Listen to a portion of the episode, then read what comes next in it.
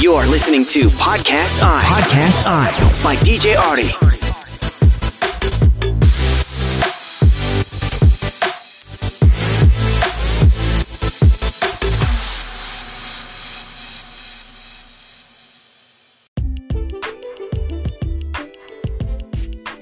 Halo, ketemu lagi bersama gue Dejari. Apa sih yang terfikir di benak kalian kalau ngedengar kata sidang skripsi?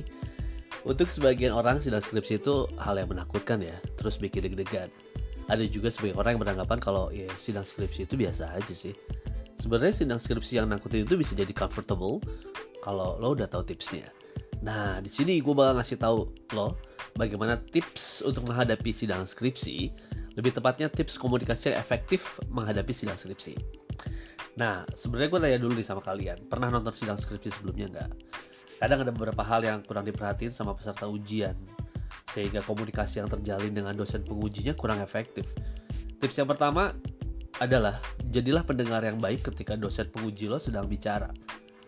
Jangan sampai kita nggak konsentrasi, sehingga kita nggak tahu apa pesan atau pertanyaan yang diajukan dosen penguji. Yang kedua, apabila kita kurang paham dengan pertanyaan yang mereka ajukan, lebih baik kita tanya kembali apa pertanyaannya. Karena kalau kita nggak paham dengan pertanyaannya, terus kita jawab dengan ala kadarnya, kemungkinan jawaban yang kita berikan tuh nggak relevan dengan pertanyaannya. Jadi jawaban lo tuh muter ke sana ke, ke, ke sana kemari gitu. Ya jadi nggak to the point istilahnya. Yang ketiga, hindari kecenderungan untuk merespon secara emosional dari apa yang telah dikatakan dosen penguji. Jadi kalau misalnya lo nggak setuju dengan statement yang diberi dosen penguji kita, ya kita memang bisa menyanggah dengan tidak emosi tapi nggak bersikeras juga. Supaya apa? Supaya komunikasinya tetap terjaga dengan baik.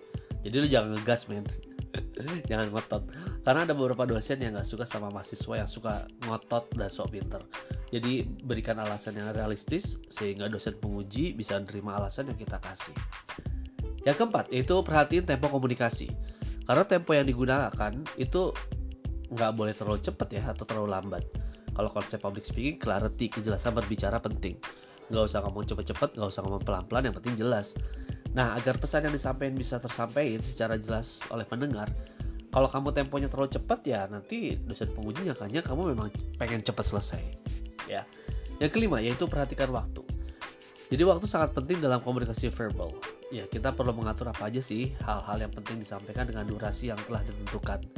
Jadi sebelum hari hasil skripsi bagusnya sih kita latihan presentasi dengan teman terlebih dahulu, sehingga waktu yang diberikan dosen penguji itu bisa digunakan secara efektif. Handphone lo ada timer kan, ada stopwatch, nah lo pakai itu. Yang keenam, yaitu hindari grogi. Karena dengan grogi kita bisa blank, pesan yang disampaikan juga nggak sampai dengan baik. Dosen penguji juga bakal mengira bahwa kita kurang mempersiapkan sidang skripsi secara maksimal.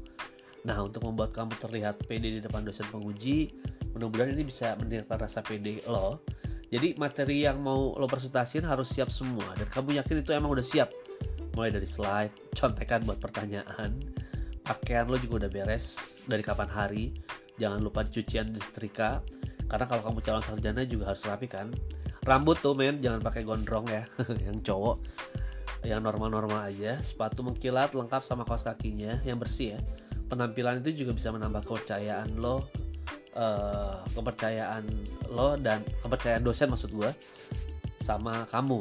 Nah kalau presentasi juga siapin pointer atau alat penunjuk jangan pakai jari, tangan pakai jari ya gitu. Kalau ada pointernya. Terus tangan juga jangan dimasukkan ke dalam saku atau melipat tangan di dada. Open body posture. Jangan garuk-garuk kepala juga kalau bingung jawab childish. Oke, okay, uh, satu hal yang penting perhatikan juga kerapihan pakaian karena sebelum sidang dimulai rambut posisi dasi pakaian yang pas di badan itu bikin lo juga nyaman. Jangan pakai baju kaos dalam pakaian sidang ya. Kecuali cewek ya harus pakai kutang ya. Nah jadi ya penting banget. Percayalah kalau kamu pantas untuk lulus ya. Tekankan diri bahwa lo tuh uh, gue percaya diri untuk menghadapi ini.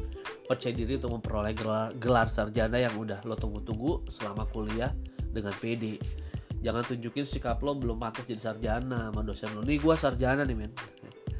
Oke satu lagi untuk menghilangkan grogi jangan lupa berdoa. Jangan lupa berdoa agar, sidang berjalan dengan lancar. Oke? Good luck